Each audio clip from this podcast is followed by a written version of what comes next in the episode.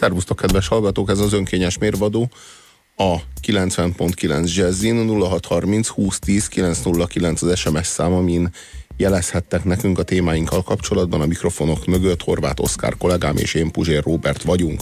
Jó napot kívánok! Szervusztok! Észrevettétek-e már vajon, hogy a reklámokban a férfiak mindig idióták? A nők azok, akik kompetensek, a nők azok, akik felelősek a háztartásért, a nők azok, akik nélkül a férfiak, meg a gyerekek így együtt, és fontos, hogy ezek egy, egy halmazt, egy csoportot képeznek, elpusztulnának, hogyha a nők azok nem gondoskodnának, hogyha a nők nem tartanák őket karban, hogyha a nők nem vakarnák ki őket a saját ürülékükből időről időre. Erről szólnak a reklámok. A reklámok egy olyan világot mutatnak be nekünk, ahol a gyerek, meg az apuka, azok közös, közösen bolondoznak, meg bohóckodnak, meg füliksárosak, meg henteregnek, és az anya feladata az, hogy egy civilizációs szintre fölhozza őket óráról órára. Az anya az egy küzdelemben van, egy folyamatos harcban van az erózióval, a mocsokkal, apunak a játékos kedvével, a gyereknek a, az ösztönvilágával, amely felfelhorgad. Anyuka az, aki folyamatosan küzd, és anyukának is szüksége van szövetségesre. Ugye a gyerekek... Szövet... Nem az apa lesz a szövetséges, hát hanem biztos. a termék gyártója. Pontosan. Ugye ő kacsint össze az anyukával. Azért ne, általán, ne általánosítsunk úgy, hogy ez erről szólnak a reklámoknak. Nem mondjuk azt, hogy minden reklámban a férfi hülye, hanem azokban a reklámokban, ahol nem tartós fogyasztási cikkeket, pénzügyi termékeket, hanem gyorsan forgó fogyasztási cikkeket, háztartási dolgokat kell megvásárolni, mert a háztartásnak és az otthoni rendnek és tisztaságnak a, a, a nő a normál, normálisan a nő az ura. Volt erre kivétel is, ha emlékszel, egyszer néztük a reklámtörvényszékben azt a narancslé reklámot, amiben az apuka ö, egy képzelt barátja a gyereknek, és csak a reklám végén derült ki, hogy az nem egy másik gyerek, hanem az apa, aki egyedül neveli a fiát, és akkor pozícionáltak egy narancslét az, azokra az apukákra, ahol nem az anyukával kell összekacsintani. De normálisan, ha háztartási cikkekről van szó, akkor azt a döntést, hogy mi a jó, mi működik jól, azt a nő hozza meg. Na jó, csak ez a kereskedelmi forgalomnak a 90%-a. Tehát most lehetséges, hogy vannak, vannak bizonyos autómárkák, meg vannak bizonyos pénzügyi szolgáltatások. Meg ilyen technikai eszközök, nem? Igen, Elektronikai esetleg, esetleg, esetleg amelyeket, amelyeket férfiaknak kell eladni, de nem a tévé, az nem ez a kategória. Az, amit igazán férfinak kell eladni, ezek a barkács eszközök, azok, amiket igazán férfiaknak kell eladni. Az elektronikai híradás technikai cuccokért is a nők felelősek. Nem azért, mert ők üzemeltetik őket, hanem azért, mert elsősorban ők vágynak rájuk. Itt nem pusztán arról van szó, hogy a nők a felelősek a használati tárgyak nagy részéért. Nem pusztán arról van szó, hogy a nők azok, akik a, a gyereknevelés, meg a házfenntartása, meg a, a hűtőszekrény feltöltése, meg a konyhai munka során több fogyasztási cikket igényelnek. Nem pusztán erről van szó. Arról van szó, hogy a nők jobb fogyasztók, mint a férfiak. Egyszerűen a nők csábítása az nagyobb profittal és nagyobb forgalommal kecsegteti az adott céget, meg a marketing ügynökséget, mint a férfiaké. A férfiak csábítgatása a sokkal kevésbé fizetődik ki. Egyszerűen, ha egy nőt célzol meg, egy reklám másodperccel több hasznot húzol, mint ha egy férfi célzol meg. Erről van szó. Ezért infantilizálják és debilizálják következetesen a férfiakat a fogyasztási cikkek értékesítése során. Arról van szó, hogy hálás, kifizetődik a férfiakat hülyének nézni és hülyének tekinteni a reklámokban, és a nők kompetenciáját sugározni, nem csak azért, mert a nők kompetensebbek, mint a férfiak, vagy több idejük van a háztartásra, hanem azért, mert a nő az, aki jobb fogyasztó. A reklám, le, reklám jobban teszi azt, hogyha a nővel veszi fel a kapcsolatot, a kommunikációt, mint hogyha a férfival. Azt mondtad, hogy mert nekik több idejük van a háztartásra.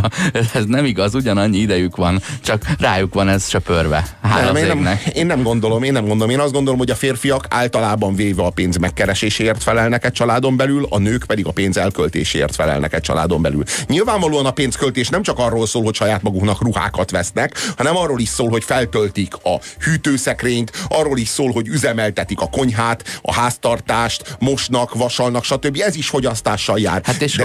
inkább közel, közelibb nexusban vannak a gyerekkel, és pontosan tudják, hogy mire lesz szüksége az iskolában, nem? Igen, igen, de, de csak, azt kell, csak azt kell érteni, hogy a férfi vásárlása, a férfi fogyasztása az ö, a reklámok világában elsőrendűen a nagyobb teljesítményű autókra, meg a pénzügyi szolgáltatásokra, esetleg biztoti, biztosításokra, de leginkább a befektetésekre a, korlátozódik.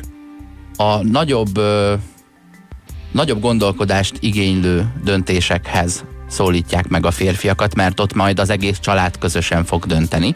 A rutin döntésekhez, amit úgy is venned kell, ha elfogyott, lásd mosópor, ö, ott pedig megszólítják a nőket. Csak azt kell látni. Lehet, hogy egy új termék bevezetésénél még az egész családot megszólítják, ugye a forgó WC illatosítóról, beszélje meg a család, hogy ez mennyire jó.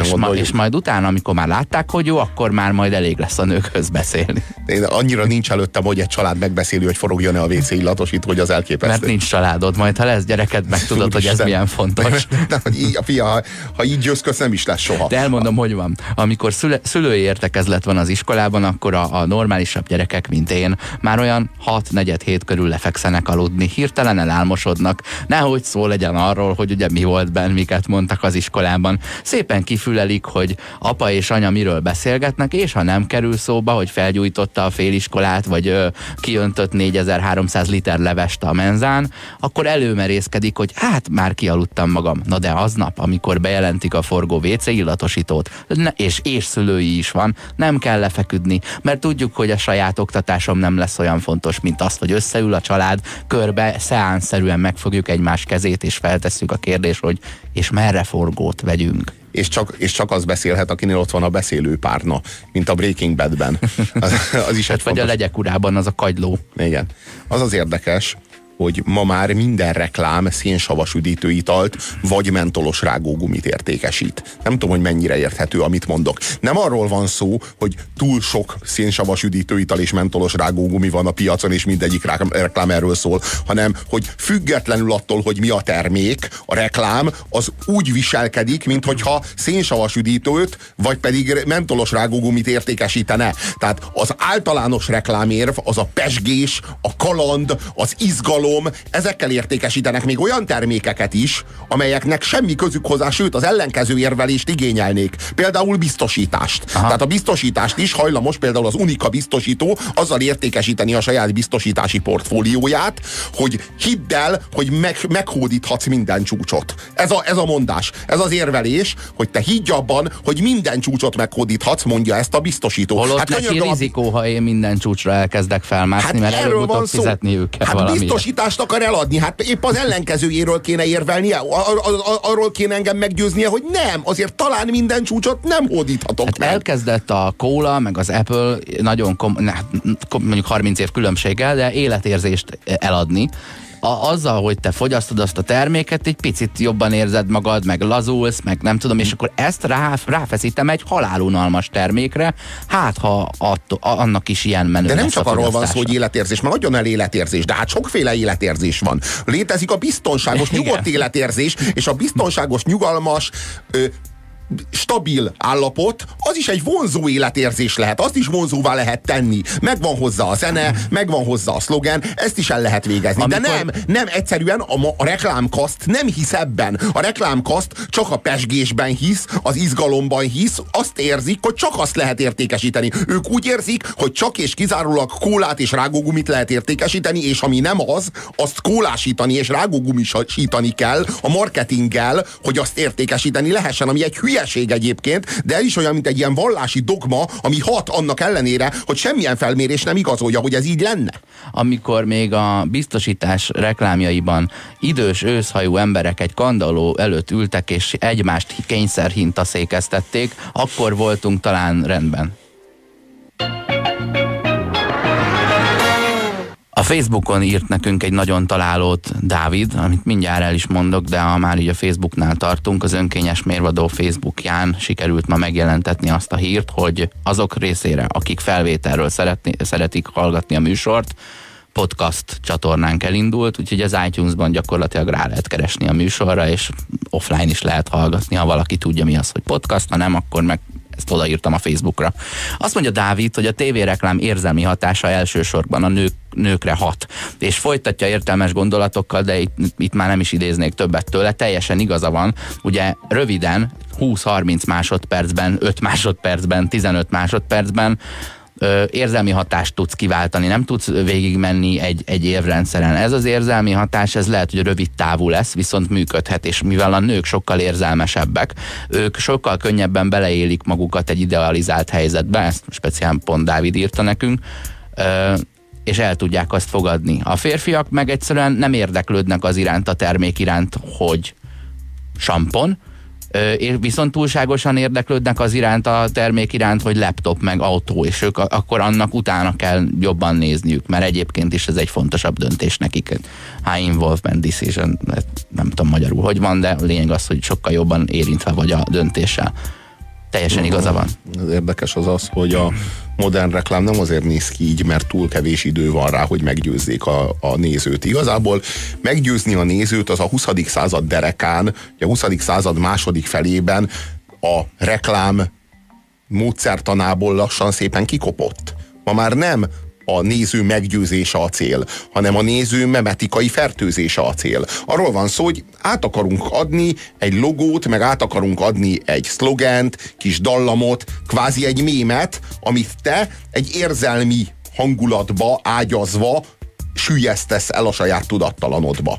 És amikor a, a polc előtt állsz, akkor az felidéződik. És ez, a, ez, ez, a, ez, ez tulajdonképpen olyan élmény, mint amilyen a, a memóriajáték, amikor megtalálsz egy párt. Van benned egy kéreckedő ö, mém, van a polcon egy kívánkozó mém, és ez a kettő, ez, ez, ez párosodik, és ott felszabadul egy energia. Ott egy biztonságérzet születik az iránt, a, az inger iránt, amit már ismersz valahonnan. Amit már beágyazott neked egy cég, egy kellemes dallamba, egy vonzó körülményrendszer beágyazva. És ott ez az élmény, hogy ez a, két, ez, a, ez a pár, ez a két pár egymásra, vagy ez a két fél pár egymásra talál, ahogyan a memória játékban, egy, kicsi katarzist okoz, és akkor az a termék lesz a tiéd. Olyan, mint ha végig töltöttél volna egy füles képrejtvényt, vagy keresztrejtvényt. Nem? Ú, de Anna megfejtettem. Egy ez az, igen, erre kellett emlékeznem. Igen. Ez, a ház, ez volt a házi feladatom. Ha most megveszem, akkor megcsináltam a házit, igen. és kapni fogok egy piros pontot, vagy egy törpepecsétet a füzetem szélére. Te törpepecsétet kaptál Válunk, elsőben volt róka és törpe. A róka volt a nem jó jegy, vagy fekete pont, és a törpe volt a jó és azt gondolták, hogy ezzel majd vonzóvá teszik az iskolát. A róka szuper aranyos volt, a, a, ott rontották el az egészet, hogy ugyanabból a nagyon cuki házi gyereknyomda szedből vették ki a rókát is, tehát nem volt riasztó. Ha meg riasztó lett volna, akkor meg mit kap a szülőktől a tanárnő, hogy miért egy ilyen sátán pecsétet nyomogatod a gyerekeknek. Mindenki jól tanult volna viszont. Lássuk csak. Gondoltátok-e már, vagy észrevettétek-e már, vagy titeket is irítál-e az vajon, kedves hallgatók, hogy a gyógyszerreklámokban a nagypapa, aki hát már egy öregember, már nehezen hajlik a dereka, már állandó fájdalmai vannak, vagy migrén gyötri, tehát, hogy minden esetre a nagypapa az beteg. Most ezt a betegséget, ezt a reklám, ez úgy illusztrálja nekünk, hogy a nagypapa nem tud lehajolni. Képtelen az, a, a hétköznapi életét működtetni, mert így befog a dereka, vagy megfájdul a migrénja a fejében, és nem bírja kiegyenesíteni a derekát, és gyakorlatilag rokkant. És akkor ezt úgy jelzi nekünk a reklám, hogy ilyen piros, mert ugye a piros a természetben is, a gyulladásnak a színe, ilyen piros, piros kis ovális körök, ilyen fél kis körök gyűrűznek ki a derekában. Ez jelzi azt, hogy hát ott a fájdalom forrása. Na de amikor a gyógyszerrel már találkozott, Na most utána, utána ismertetjük, hogy mi ez a gyógyszer, hogyan segít, ami körülbelül úgy néz ki, hogy beveszed a szájadba, a szájadon Szájad. keresztül a gyomrodba majd a gyomrodból a derekadba megy a gyógyszer, és egy ott a gyógyhatás. Követ. Igen, egy szaggatott vonalat követ, vagy a gyomrodból a derekadba megy, és ott így feloldja ezt a betegséget, és a, és a, a piros oválisok, tehát ezek a koncentrikusan gyűrűző piros körök, amelyek jelzik a fájdalmat, ezek szépen kifakulnak. És, és, és, és elönti nagypapát a jó érzés, ugye a gyógyulás érzete, amit hogyan illusztrál a reklám, hogy nagypapa meggyógyult, hogy a reklámspotnak a végén nagypapa négy kézláb mászik a szőnyegen, és az unokája a hátán ül, mint egy hátas lovon. Ott visítozik, rugdossa a nagypapát, Igen. tépi a maradék haját, Igen. nagypapa bukfencezik, ninjázik, szaltózik. Tehát csupa olyan dolgot csinál, amire általában egy 85 éves ember vágyna. Ugye? Hát ezt igen, de, hogy, de, hogy, igen, de, hogy, de hogy ez, ez a mélységes félreértése az embernek, az emberi nemnek, hogy vajon a nagypapa egészségét az azt, azt az jelenti, hogy a nagypapa négy kézláb mászik ö, hogy mondjam, annyira, annyira nyomorúságos, annyira méltatlan, és a valóságtól annyira távol esik ez. Valójában nem ezt jelenti az egészség az időskornak a, a, a számára. Egy időskorú ember egészsége az nem azt jelenti, hogy úgy viselkedik, mint egy 12 éves. És nem azért nem akar a nagypapa fájdalommal élni, hogy végre hülye gyerek módjára másszon a, a, a szőnyegen, mert nem ez az egészség. Az öreg ember egészsége nem ezt jelenti, és nem erre akarja használni az egészségét az öreg az, az amerikai gyógyszerreklámok egy kicsit más kategória, most nem akarok hülyeséget mondani, de ott, ha, ott mintha nem csak OTC gyógyszereket lehetne ö, reklámozni a tévében, hanem egész komolyakat is, olyan komolyakat, amihez ö, itthon ugye hozzá van csatolva az, hogy azt írja fel neked egy orvos. És ö, Hát nyilván egy ilyen gyógyszernek sokkal több mellékhatása van. Most az amerikai gyógyszerreklámban ugyanúgy kötelező felsorolni az összes mellékhatást, és akkor az történik, hogy ugye megmutatják a hatásmechanizmust, majd elkezdik sorolni a mellékhatásokat, de ahhoz olyan képet adnak, ahol egy hosszú fűvű zöld mezőn lassítva futnak az emberek, és így lebegnek, és tűz a nap, és mindenki boldog. Hát, ha nem veszed észre, hogy közben a hangsávon az megy, hogy mellékhatások, száj és körömfájás, szemgolyó kiesés, teljes hajkihullás és halál.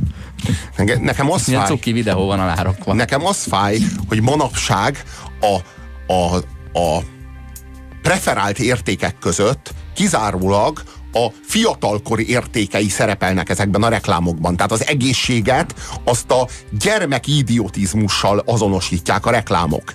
És, és, és ez az, ami, ami azt jelzi, hogy... A... infantilizmusnak, ne idiotizmusnak, mert azzal semmi baj nincs, Idiotizmu, hogy a gyerek olyan. Idiotizmusba hajló már. Okay. Jó, világos, hogy ha gyerek műveli, azt hívjuk infantilizmusnak. Az a gyerek. A felnőtt esetében az ilyen mértékű infantilizmus már az idiotizmussal határos. Hadd olvassak fel egy kis, kis, rövid kis részletet a Vörös Sándortól, ahol pont erről ezt a jelenséget vizsgálja. Így ír Vörös Sándor.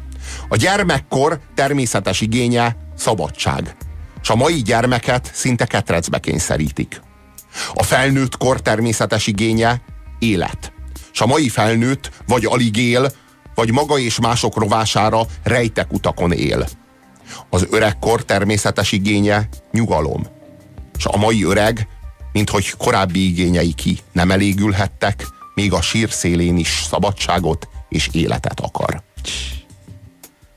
Hát köszönjük Vörös Sándornak, hogy küldött nekünk SMS-t a 0630 20 10 909 re Jó, nehéz, nehéz ezzel Szép. konkurálni, de mi azért biztatunk titeket 0630 20 10 909. Várjuk az erős megfejtéseket, ha még vannak.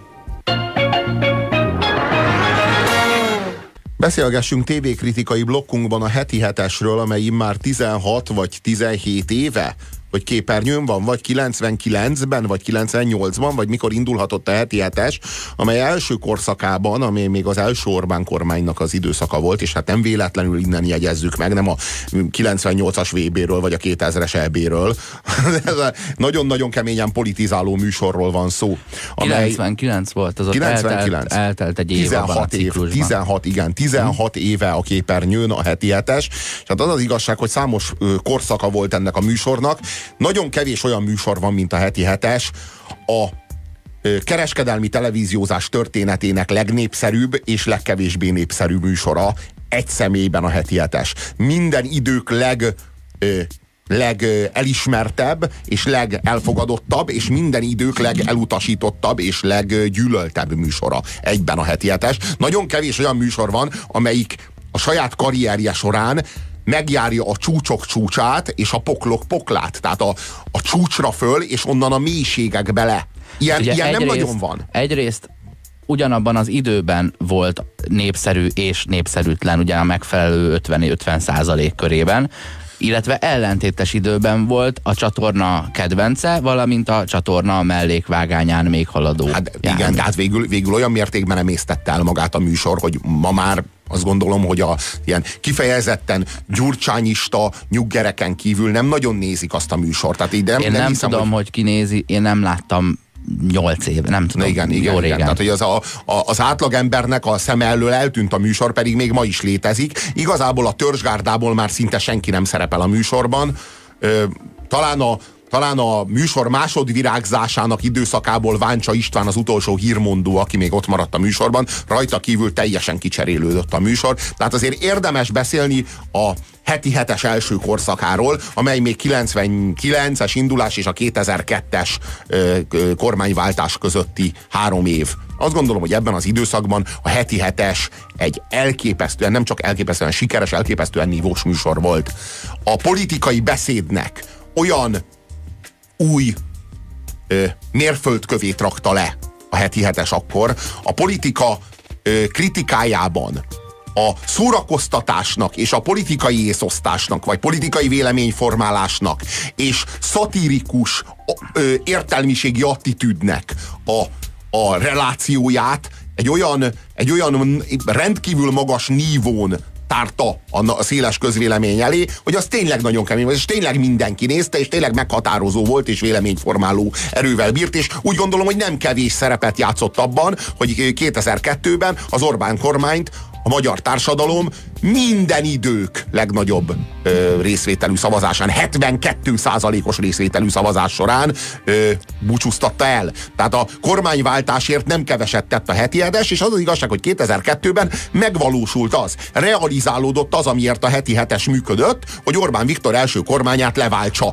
Ez, ez, ez annyira nyíltan, nyíltan ö, és annyira napnál világosabban látszott, és ezzel semmi probléma nincs. Miért ne készíthetne egy műsorkészítő műhely azzal a céllal műsort, hogy a magyar politikát megváltoztassa. Mi, mi lehetett az akkoriban a másik oldal? A sajtóklub? Vagy mi, mi az a hasonló ö, ilyen megbeszélő, az volt a sajtó, olyasmi volt, olyasmi volt a sajtóklub, de nem tudta. Tehát akkor a, a jobb oldal akkor még nem tudta legyártani. E, e, ezekről az időszakokról mondják azt, hogy e, ekkor még a balliberális oldal egyfajta intellektuális fölényben volt. Azt gondolom, hogy, a, hogy, a, hogy az ezredfordulót követő évtizedre és főleg a 2006 körül, körül, körül volt az a, sőt 2006-tól kezdődően a baliberális oldal teljesen elhasználta azt az úgynevezett intellektuális fölényt, és a jobb oldal került súlyos intellektuális fölénybe. Azt szeretném kérdezni, mert mintha úgy tűnt volna, csak te hogy gondolod, hogy 2002 után megtartotta a picit kormányfricskázó ellenzéki szerepét, vagy ott egy, elkezdett édeskedni? Semmit, semmit nem tartott meg az addigi szerepéből. Egy idő után nekem úgy tűnt, ha más nem a második cikk ciklusra, hogy azért elkezdenek kritikusabbak lenni, talán azért, mert már a saját népszerűségükkel játszanak, csak nem, de csak, olyan, csak, olyan óvatosan. Csak nem megy, nem megy, mert az Orbán iránt van bennük egy zsigeri utálat. És a Megyesi iránt, meg a Gyurcsány iránt ezt nem tudják érezni. Tehát, hogy egyszerűen nem olyan meggyőző, még akkor sem, hogyha erőlködnek, még ha vért izzadnak, hogy próbáljanak ö, felelős, kritikus értelmiségi attitűdöt fölvenni, nem képesek rá, mert egyszerűen ami zsigerből jön, az nem jön, nem jön akarásból. Egyszerűen nem lehet áttolni. A leg, legbeszédesebb az én számomra az volt, amikor 2002-ben Gálvölgyi János kiállt, és azt nyilatkozta, hogy félreértés ne essék, itt páran félreértik ezt a, ezt a tévés műfajt, a heti hetes nem politizáló műsor, a heti hetes szórakoztató műsor. És ez egy nagyon cinikus de pillanat ez volt. Ez hülyeség. Nagyon súlyosan cinikus pillanat hmm. volt, mert a heti hetes 2002-ben számos döntést hozhatott volna. Hozhatta volna azt a döntést például, hogy ők feloszlanak. Megbuktatták Orbán Viktor kormányát, ez volt a cél, sikerült viszontlátásra. Ez egy nagyon korrekt lépés lett volna. De mondhatták volna azt is, ami az én számomra még szimpatikusabb lett volna, hogy ez a műsor, ez a mindenki, mindenkori kormánynak a kritikájával foglalkozik, és ott folytatják, ahol abba hagyták, csak a kormány változott. De erre meg egyszerűen nem voltak képesek, mert ők zsigerileg utálták az Orbánt, a, a saját értelmiségi szerepükről meg korán sem gondoltak ennyit. Az az érdekes, nekem úgy tűnt, hogy a baloldalnak az ilyen kommentáló ellenzéke, aki ugye viccet, találóságot csinál a, a valós történésekből, az ezt színvonalasan viszi, de ez csak az, az a rétege a dolgoknak, ami kommentálja és nem tesz ellene. Ellenzékben a valós baloldal, akiknek ugye politikusként ez a foglalkozása, messze elmaradnak attól, amit a jobb oldal képes volt ellenzékként felmutatni. Hát igen, hát igen. És, és, talán ezért nem nő ki a jobb oldalból egy ilyen jópofa, szórakoztató, kommentáló réteg, mert ők el vannak foglalva azzal, hogy bocs, nem érek rá kommentálni a tévében, mert épp csinálom. Ezt egyébként, ezt a változást, ezt ketten is megérezték. Nagyon jó érzékkel. Egyrészt a Havas Henrik, másrészt a Verebes István. Ők ketten, akik egyébként nagyon-nagyon erős ö, erői voltak, nagyon erős pontjai voltak a heti hetesnek, ők fölálltak. Hát és a, azt mondták, a, a hogy a... konkrétan, akiről nem sok jó szót szoktunk ejteni, de most épp ez történik. Igen. 2002-ben. Tehát 2002-ben, akkor, a, igen, azt, hiszem, hogy a, a, azt hiszem, hogy a Verebes még egy két Lehet, évig hogy még egy-két évig bírta. A Verebes is felállt, mert érzékelte azt, hogy ez így már nem megy. Tehát ö, a, ha, ha ö, ha valami nem, nem szívből jön, a kormány utálata, akkor az átjön a képernyőn, és érzékelték, hogy a műsor kezdi leleplezni magát, és kezdi elemészteni a saját erkölcsi bázisát.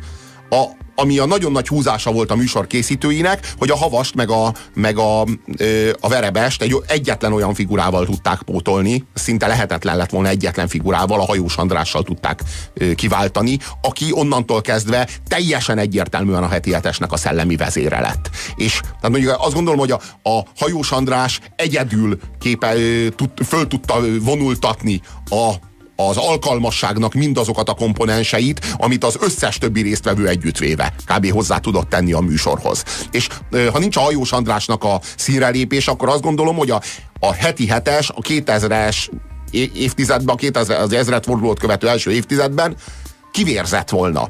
A, a, a hajós Igen, András és a hajós ott... Andrásnak a szelleme meg tudta tartani a, a Gálvölgyinek, meg a, meg a, meg a Bajornak az egyre érdektelenebb és egyre unalmasabb sztorizgatásából és egymásra való rácsavarodásából. De, de ezt egészítsük ki Farkasházi Tivadarral, akkor már ezt. Jó, csak Farkasházi Tivadarnak a személye annyira érdektelen, és olyan, olyan maga a figura olyan mélységesen ö, hogy is mondjam, egy tudáló, tudálékoskodó bácsi, az ne, ne tekintsük a humor nagyágyújának, hogyha szabad kérnem, mert hogy ő, ő alapvetően, legalábbis az én véleményem szerint egy, egy nagyon csak kevésé humoros ember. De nem a, az a, tehát, hogy a humornak, úgyhogy ő nem humoros, én nem úgy értem a humort, hogy így soha életében nem mondott semmi vicceset, mert mondjuk ez tény, hanem még igazán egy jó ízűt nevetni se láttuk. Tehát a, a humor, humornak még az a, hogy mondjam, az a, azt a részét se tudja hozzátenni, amit egy jobb néző hozzátesz a műsorhoz úgy veszük, hogy a kreatív iparhoz tartozik a művészek mellett minden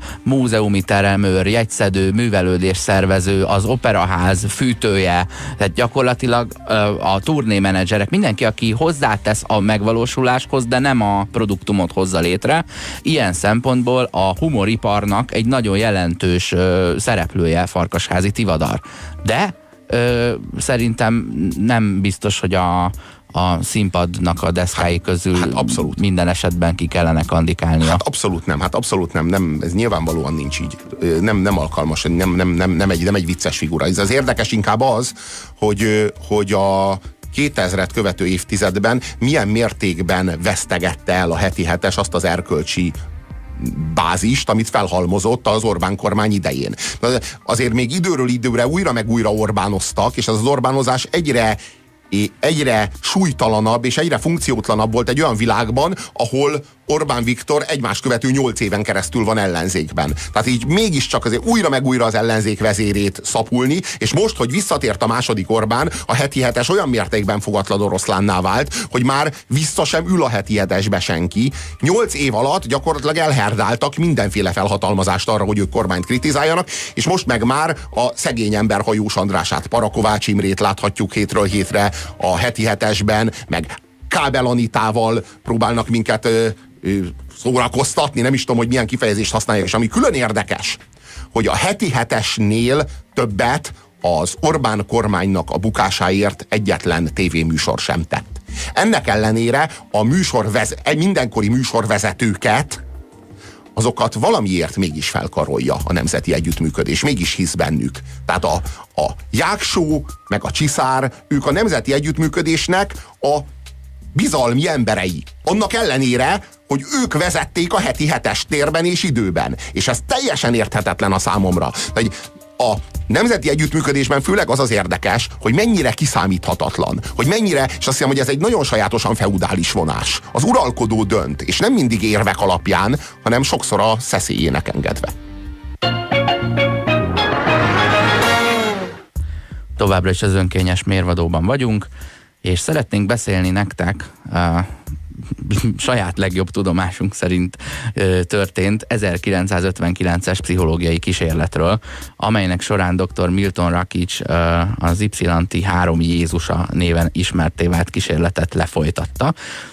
Ez a szociálpszichológus összezárt három olyan paranoid skizofrén pácienst, akik mind Jézusnak gondolták magukat, és hát úgy rendezte az ő kezelésüket, hogy egymás melletti ágyakon aludjanak, együtt egy asztalnál étkezzenek, és lehet az egyéb foglalkozásoknál vagy munkáknál is közösen legyenek beosztva, és arra volt kíváncsi, hogy ez az ellentmondás, hogy ugye, én Jézus reinkarnációjának képzelem magam, és akkor megjön két másik ember, aki szintén ezt állítja, az meggyőzi-e bármelyiküket arról, hogy hát talán akkor nem úgy van és hát az eredmény a kísérletnek az, hogy nem, nem győzi meg.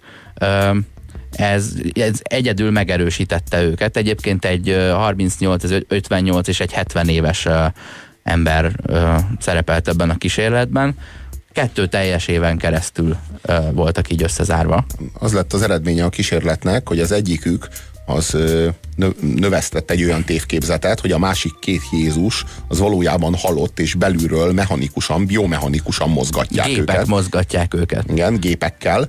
A, a másik az azt gondolta, hogy ez a kettő ez csaló, szélhámos csaló, és mert hogy ő az igazi, mert, hogy ő az igazi Jézus, és a harmadikuk járt a legközelebb az igazsághoz, aki azt gondolta, hogy a másik kettő elmebeteg. És ők ketten egy elmegyógyintézetben vannak, míg ő, a harmadik, ő csak úgy bejár. Igen, igen ő, ő, be, ő bejár, és így, hát így segíti őket. Igen, hogy, hogy ők nem Jézusok. Mert hát eltévedtek. Igen. igen. igen. De az a helyzet, hogy egy idő után jó barátok lettek, és sok időt töltöttek együtt, de az idő alatt nem arról beszélgettek, hogy ők Jézusok, hanem azt akkor elfolytották. A vallás föl sem merült, de nagyon jóban, nagyon nagyon jóban lettek, ez rohadt érdekes. És ami még érdekesebb, hogy hogy létezik az, hogy 1959-ben állami gyógyintézetben ilyen beteges, pszichopata játékokat űzhetett egy orvos. Várjál, még nem tartunk a végénél. Tehát, hogy a, a, ugye fel, kicsit fel, úgy oldódott fel bennük ez a probléma, hogy egyrészt meggyőzték magukat, hogy a másik kettő nem igazi, plusz egymás között nem vették többé elő a témát.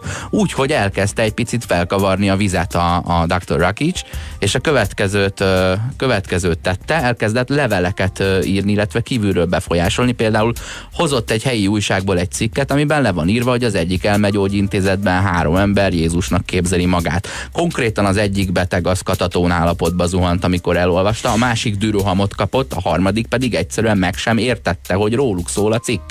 Tehát, hogy megmutatta, és á, szóval van valahol egy ilyen elmegyógyintézet. Hm, de érdekes. Ő, Tehát ő ennyi. tűnik a legsúlyosabbnak. Hát, igen. Szerintem ő a biomechanikás. A legsúlyosabbnak az orvos tűnik.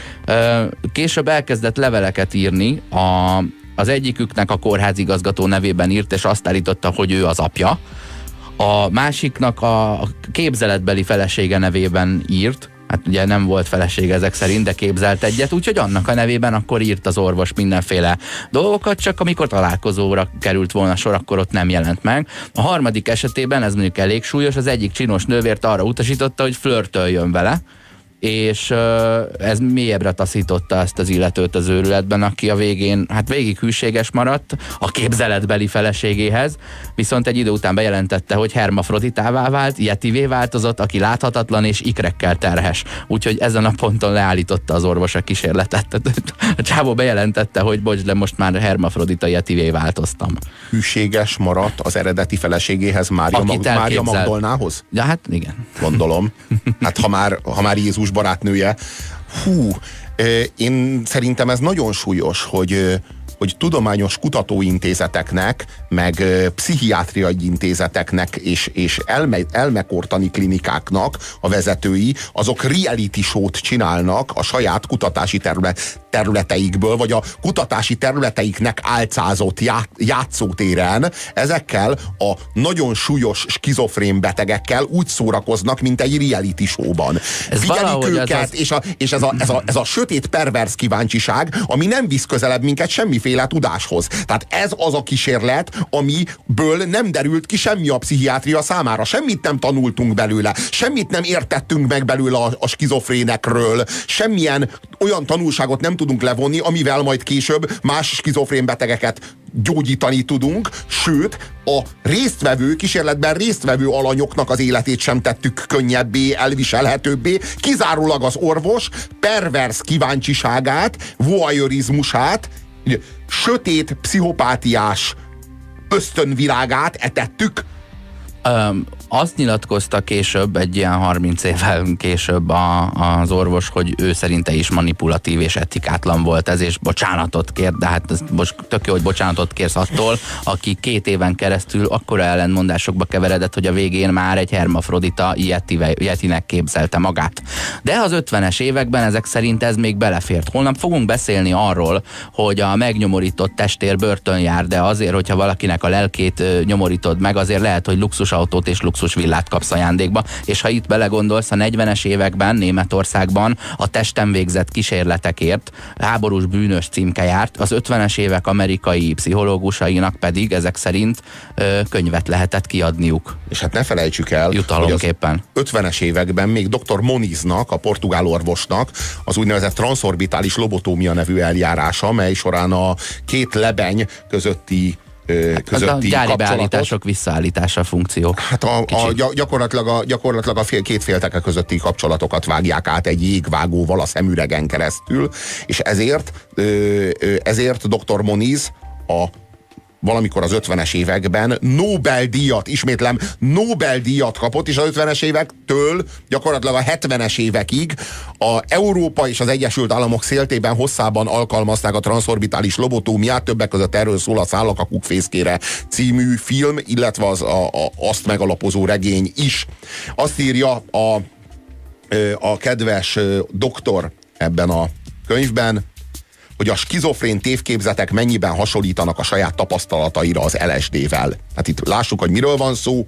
Egy sötét hippiről, tehát a hippiség gonosz sötét oldala. A 60-as évekből az LSD forradalmának egy nagyon súlyos és pszichopátiás elhajlása egész konkrétan a doktor esetében, legalább 1984-es könyvében már reflektálni tudott a súlyos etikai deficitjére. Ekkor sikerült eljutni odáig. Igen. Ennyi fért ma bele. Még egyszer mondom, hogy elindult a podcast adásunk azok számára, akik később hallgatják a műsort az önkényes mérvadó Facebook oldalán. Megtaláljátok, holnap is találkozunk.